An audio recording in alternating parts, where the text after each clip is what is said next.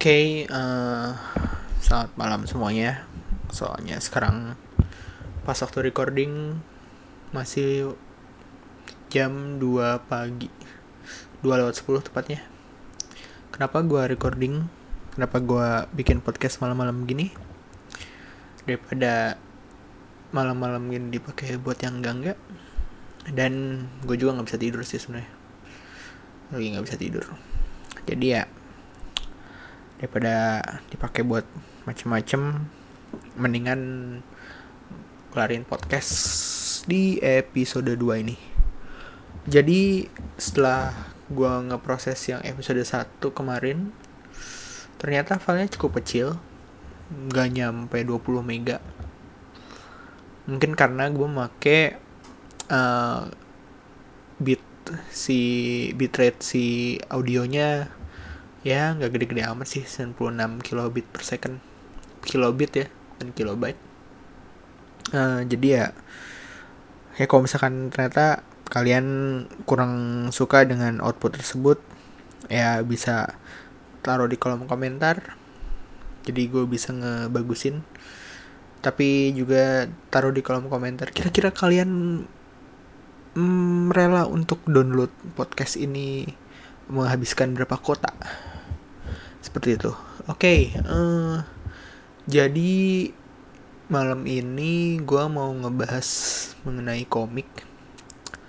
Komik itu gimana ya?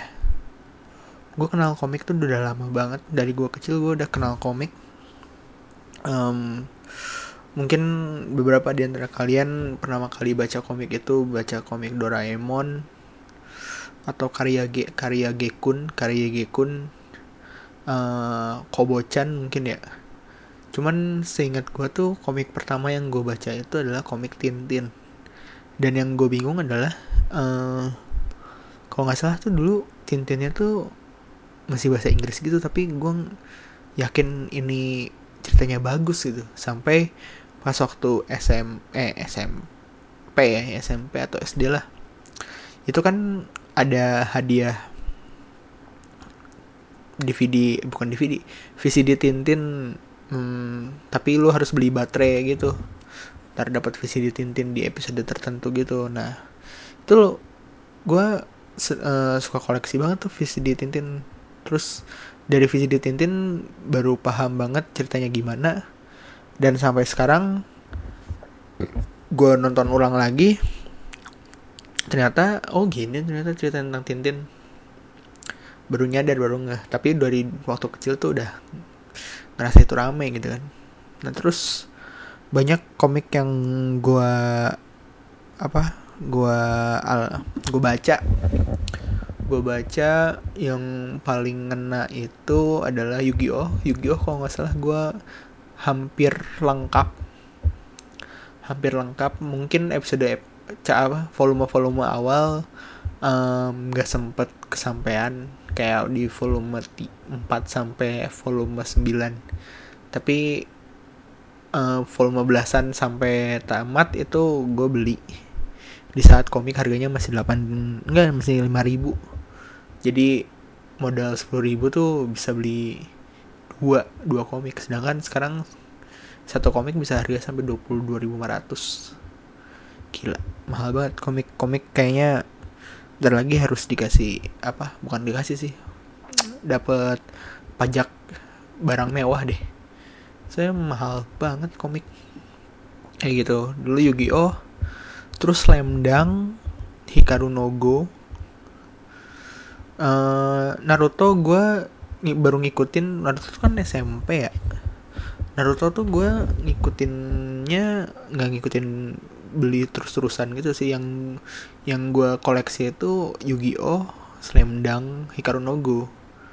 Uh, kenapa Naruto nggak gue koleksi? Karena gue yakin ini komik bakal lama banget. Dan ternyata benar lama banget. Sampai volume berapa sekarang aja ya? Nggak tahu gue dan pada saat komik sudah mencapai harga 15 ribuan itu gue udah mulai berhenti beli komik udah mencari alternatif lain. Uh, alternatif yang ilegalnya adalah baca di internet. Dan alternatif yang legalnya adalah sewa di uh, toko bukan toko buku apa pakai perpustakaan itulah. Kayak kayak uh, ya perpustakaan macam-macam Zoe atau kalau misalkan di Bandung itu ada yang namanya duh apa ya?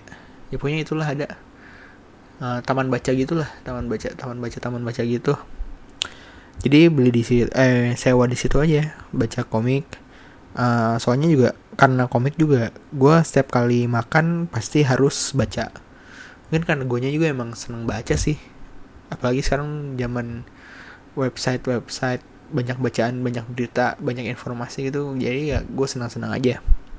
Akan hal ini walaupun dampaknya mungkin uh, too much information but nggak ada apa nggak ada sebuah informasi yang dicerna dengan baik gitu karena terlalu banyaknya informasi. Jadi uh, kitanya ya apa uh, langsung nelan-nelan semua informasi dengan mentah gitu nggak diolah dulu. Kayak gitu terus uh, jadi mengenai komik sendiri sih selain komik luar ya ya gue sempet baca komik-komik Eropa gitu kan selain komik Jepang uh, manga Jepang gitu kan. Uh, gue baca Lucky Luke gue baca Tintin tadi gue baca uh, Smurf gue baca nggak tau nih kalau polisi 212 itu berarti harusnya terbitan Eropa kan ya ya gak sih? Soalnya kan ya maksudnya kalau misalnya di kita kan ya, polisi kan warna coklat sedangkan kan di apa polisi 212 itu kan pakai pakaian hitam gitu kan. Itu juga kasus-kasusnya juga aneh-aneh dan ada blondie blondie gitu. Jadi kayaknya ya polisi 212 itu gue baca dulu. Hmm, dan ya akibat komik ya gue jadi sampai sekarang senang baca. Dan pada tahun 2016 ini merupakan tahun-tahun yang baik. Kok tahun-tahun yang baik? Maaf salah. Merupakan tahun yang baik untuk komik lokal. Kenapa? Karena komik lokal lagi lagi giat-giatnya lagi senang-senangnya membuat komik gitu kan. Yang gue baca itu uh, rata-rata ya gue taunya dari Twitter lah dari Twitter. Mungkin nanti ada episode gue bakal membahas Twitter. Uh, jadi tungguin aja.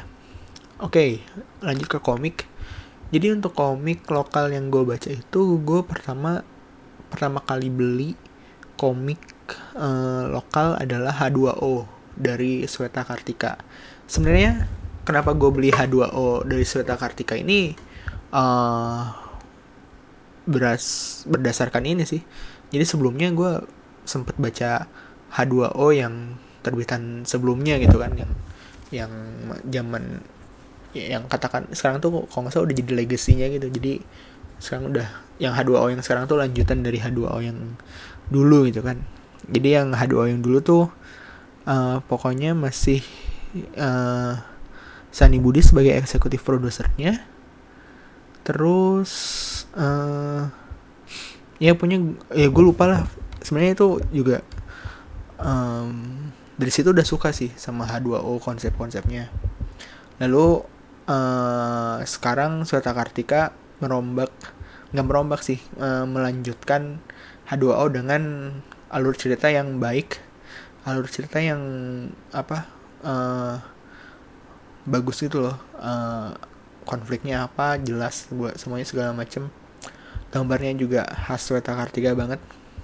Gue gue entah kenapa uh, suka banget pada saat gambaran Seta Kartika uh, gambar cewek yang rambutnya tuh pendek gitu. Pendek uh, kayak kalau misalkan di komik H2O itu kayak Sita. Kalau misalkan di uh, Grey dan Jingga itu kayak siapa ya adalah yang kakak kelas ceweknya gitu loh yang, yang pacaran tapi apa nggak uh, kayak pacaran gitu Oke, okay, terus di H2 setelah H2O gue juga hmm, jadi penasaran sama Sweta Kartika. Akhirnya gue cari uh, Grey dan Jingga, dapatnya yang uh, Days of Violet. Itu sebenarnya cuman kayak semacam komik strip komik strip aja sih. Nggak ada cerita yang berkesinambungan ah, bukan nggak ada nggak ada cerita sebenarnya. Ceritanya berkesinambungan tapi lengkap-lengkap gitu deh satu satu satu halaman dengan empat empat panel tuh bisa menggambarkan satu cerita singkat gitu. Suta Kartika. Lalu uh, dari circle-nya mereka gue penasaran dengan uh, komik-komik terbitan kosmik. Yaitu uh, yang pertama kali gue beli adalah Manungsa dan uh, eh, 5 menit sebelum tayang. Jadi untuk uh, 5 menit sebelum tayang sendiri sempet gue tulis di Tumblr gue uh, ya ceritanya ceritanya tentang seorang editor di TV uh, dilematik apa dilematika uh, seorang editor lah. Maksudnya dia uh, harus mengolah suatu gambar yang sudah ditangkap sama reporter sehingga bisa disajikan dengan baik di depan TV gitu kan. Nah di situ uh, memainkan apa problem-problem apa yang dihadapi sama seorang editor seperti itu. Lalu kalau misalkan di Manungsa di sini uh, gue yakin ini bakal jadi komik lokal yang pasti gue ikutin sampai akhir karena sampai sekarang ceritanya gimana ya? Yo ini kayak gue pas waktu baca si volume satu Manungsa ini wah ini ini ini harus baca selanjutnya nih nggak bisa nih kalau misalkan gue berhenti di sini doang. Kayak gitu sih. Jadi kepada Bapak Ervan dan Jaka Adi semangat untuk me, apa menyelesaikan manungsanya. Manungsa ini juga uh, gue sampai sekarang masih bingung ini ini yang jahat siapa yang baik siapa. Soalnya yang megang karakter jalangkungnya itu nah itu nggak tahu tuh. Terus udah gitu apakah nanti si adik kakaknya ini bakal berantem? Uh, kayak gitu. Eh uh, sorry banget kalau misalkan spoiler. Ya sebenarnya salah sendiri sih belum beli. Kalau misalkan nggak pengen dapat apa banyak-banyak dapat spoiler ya belilah sekarang. Pause dulu si podcast ini kalian ke toko buku terdekat lalu beli komik Manungsa dan komik-komik yang tadi gue sebut lainnya. Uh, kalian baca dengan benar baru kalian dengarkan podcast ini lagi. Seperti itu. Hmm, terus habis Manungsa jadi penasaran sama Riksa. Riksa adalah komik uh, yang menceritakan meng tentang seorang calon astronot. Nggak calon sih sebenarnya pas waktu di situ pun udah jadi astronot sih. Uh, di situ yang gue suka adalah penggambaran Indonesia di tahun tersebut itu, di mana uh, sudah apa melek teknologi gitu kan wah ini kita harus bikin uh, sebuah pesawat ulang alik uh, yang bisa menyelamatkan ini ini ini, ini gitu dan segala macam itu kan. Dibandingkan maksudnya kalau dibandingkan sama sekarang kan ya uh, yang dibahas kan cuman apa situs bokep situs bokep terus kan. Apalagi sekarang udah masuk ke apa filterisasi situs radikal gitu kan. Jadi kayak kayak ya lah uh, TKD-an aja tidak benar. Banyak HP yang mandat masuk sini. Tapi ya, ya udahlah. Nah ini namanya juga pemerintah. Kalau misalkan pemerintah nggak pernah salah apa tugas rakyat sebagai pengawas pemerintah? Ya nggak? Yui politik banget. Uh, jadi Eriksa itu uh, gue suka penggambaran Indonesia pada saat masa itu. Uh, terus terus uh, tapi yang paling gue tunggu pasti Manungsa sih. Manungsa uh, gue suka artworknya artwork, artwork artworknya keren banget. Um, gimana ya kalau misalkan kalau misalkan mungkin ada beberapa komik lain yang kayak kayak masih terlalu mangais gitu loh. Uh, jadi kayak apa ya ya ya ini kayak kayak gue bukan baca komik Indonesia gitu kan. Sedangkan kan yang gue pengen pengen tahu dan pengen kenal kan komik Indonesia. Seperti itu. Oke. okay. Jadi untuk kalian yang baru mendengar dan mendapatkan informasi tadi saya menyarankan kalau kalian untuk beli atau minimal baca dulu dikit aja. Ya pasti di toko buku toko buku adalah komik-komik yang udah kebuka. Baca aja dulu kalau misalkan kalian merasa tertarik beli. Kalau misalkan nggak ya gue juga nggak maksa. Seperti itu. Nah oke. Okay. uh, eh, jadi kalau misalkan kalian di sini punya rekomendasi komik yang perlu gue baca kalian bisa taruh di komen aja ya. Kira-kira komik apa ntar gue respon seperti itu. Oh ya kalau misalkan recently ini gue lagi gue masih baca bakuman masih baca bakuman. Uh, eh, gue nggak bisa baca cepet-cepet kalau misalnya bakuman karena ya kayak Death Note gitu loh apa uh, kebanyakan panel-panelnya isinya orang ngomong orang ngomong orang ngomong aja terus jadi ya harus dibaca bener-bener biar dapet biar biar nggak kelewat something dan lain-lain kayak gitu Oke, okay, uh, sekarang kita masuk ke bagian gue lagi dengerin lagu apa. Oke, okay, jadi yang pertama itu ada lagu Tenang Jiwa dari Alvin and I. Ini Alvin and I ini uh, band asal Bandung bergenre folk pop. Pokoknya kalau misalkan lu denger ini kayak berasa lu lagi ada di ini apa? di padang rumput luas banyak kupu-kupu terus tiba-tiba ada rusa terus tiba-tiba uh, lu bisa guling-guling di rumput-rumput itu yang luas gitu kan ada gunung di ujung sana ya pokoknya uh, menggambarkan nuansa seperti itulah. Nah uh, lagu tenang jiwa ini juga gue suka banget di riff bukan riff sih intro gitarnya. Suka banget entah kenapa di situ kayak bisa nyentuh gue aja. Uh, karena ntar harus denger.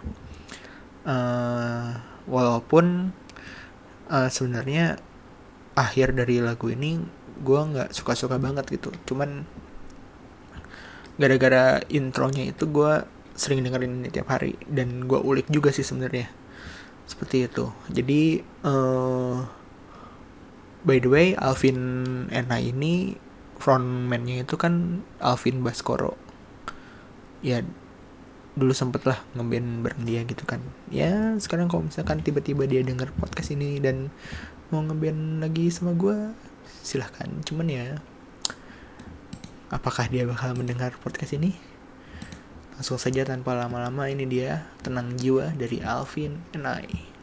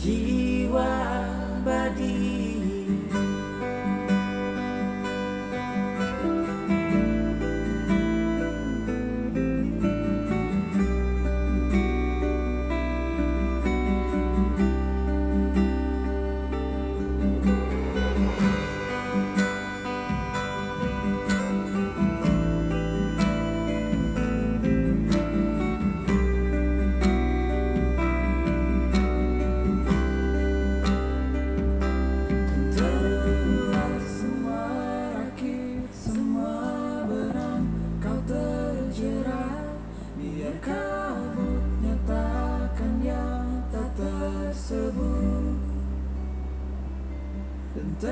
Terlalu tadi ia sendiri. Kau kaki.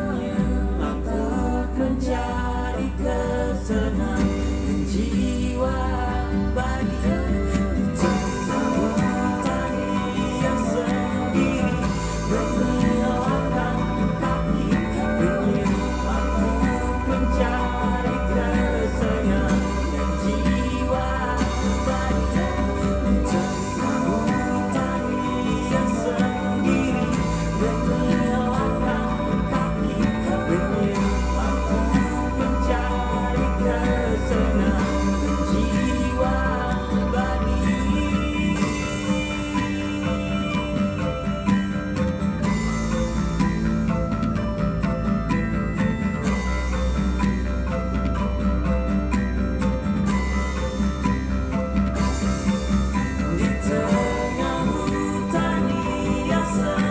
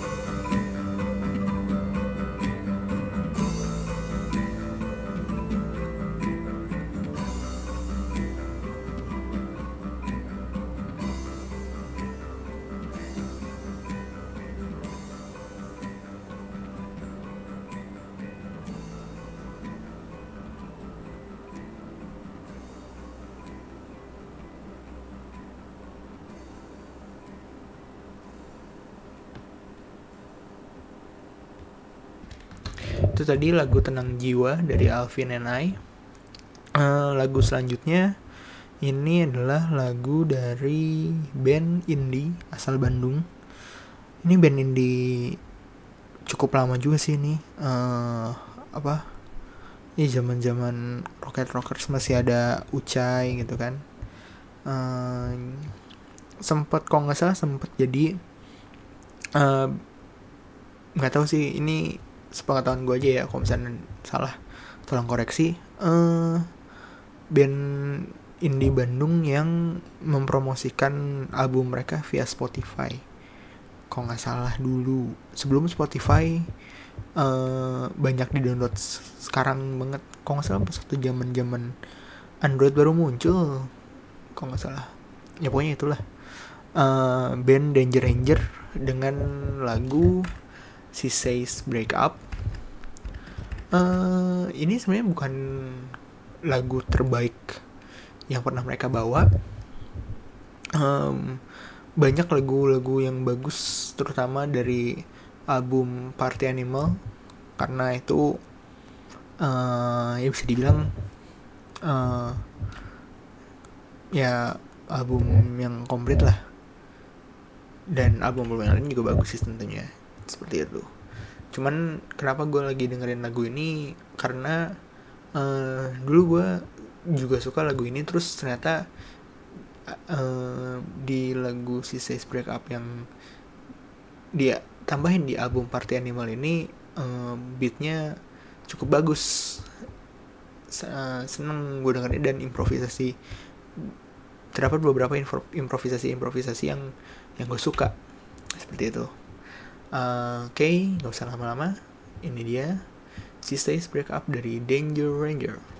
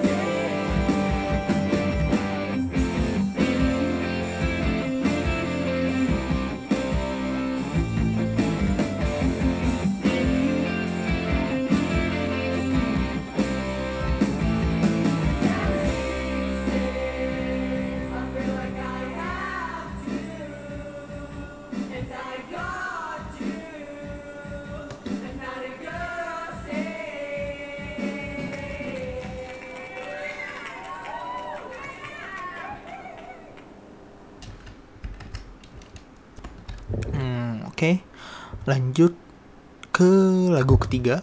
Lagu ketiga ini genre-nya EDM uh, eh, gue suka sama konsep video klipnya.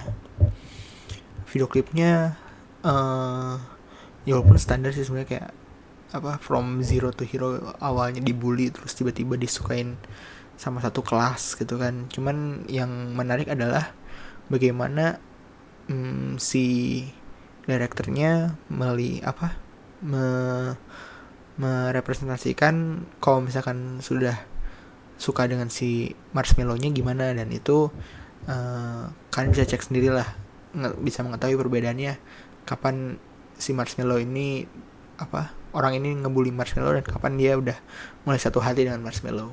Nah jadi lagu marshmallow yang gue suka saat ini adalah lagu, judulnya Alone uh, cukup pas dengan apa yang direpresentasikan di video klipnya.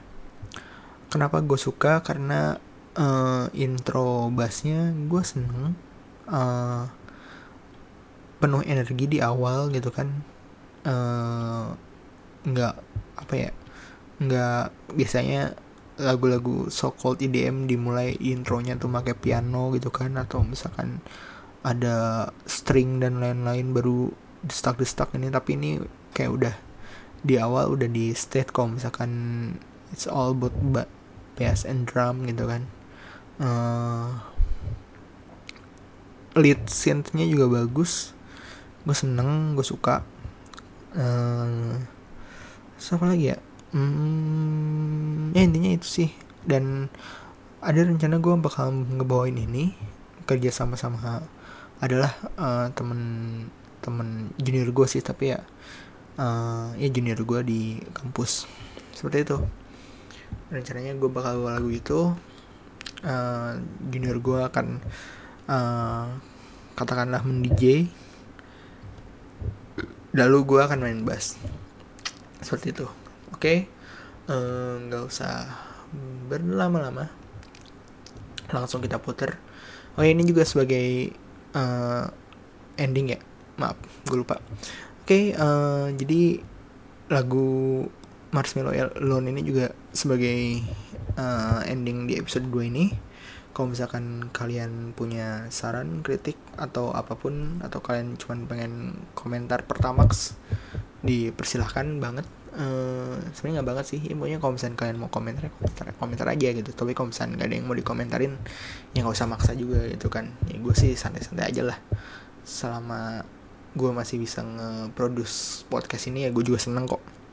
Kayak gitu uh, dan saat ini juga gue lagi mencari catchphrase apa yang bagus buat jadi ending gitu kan. Kayak misalkan uh, kalau misalkan uh, Marquez Brownlee MKBHD itu uh, Sia terus kalau misalkan Shegario itu Be Nice kalau misalkan podcast awal minggu Tailo semua Bay Nah ini gue lagi nyari catchphrase yang bagus. Tapi sebenarnya catchphrase yang bagus adalah catchphrase yang tidak dipaksakan. Jadi ya Ya intinya ini masih working slogan Working catchphrase. Tapi ya Temukan passion kalian jadi yang terbaik.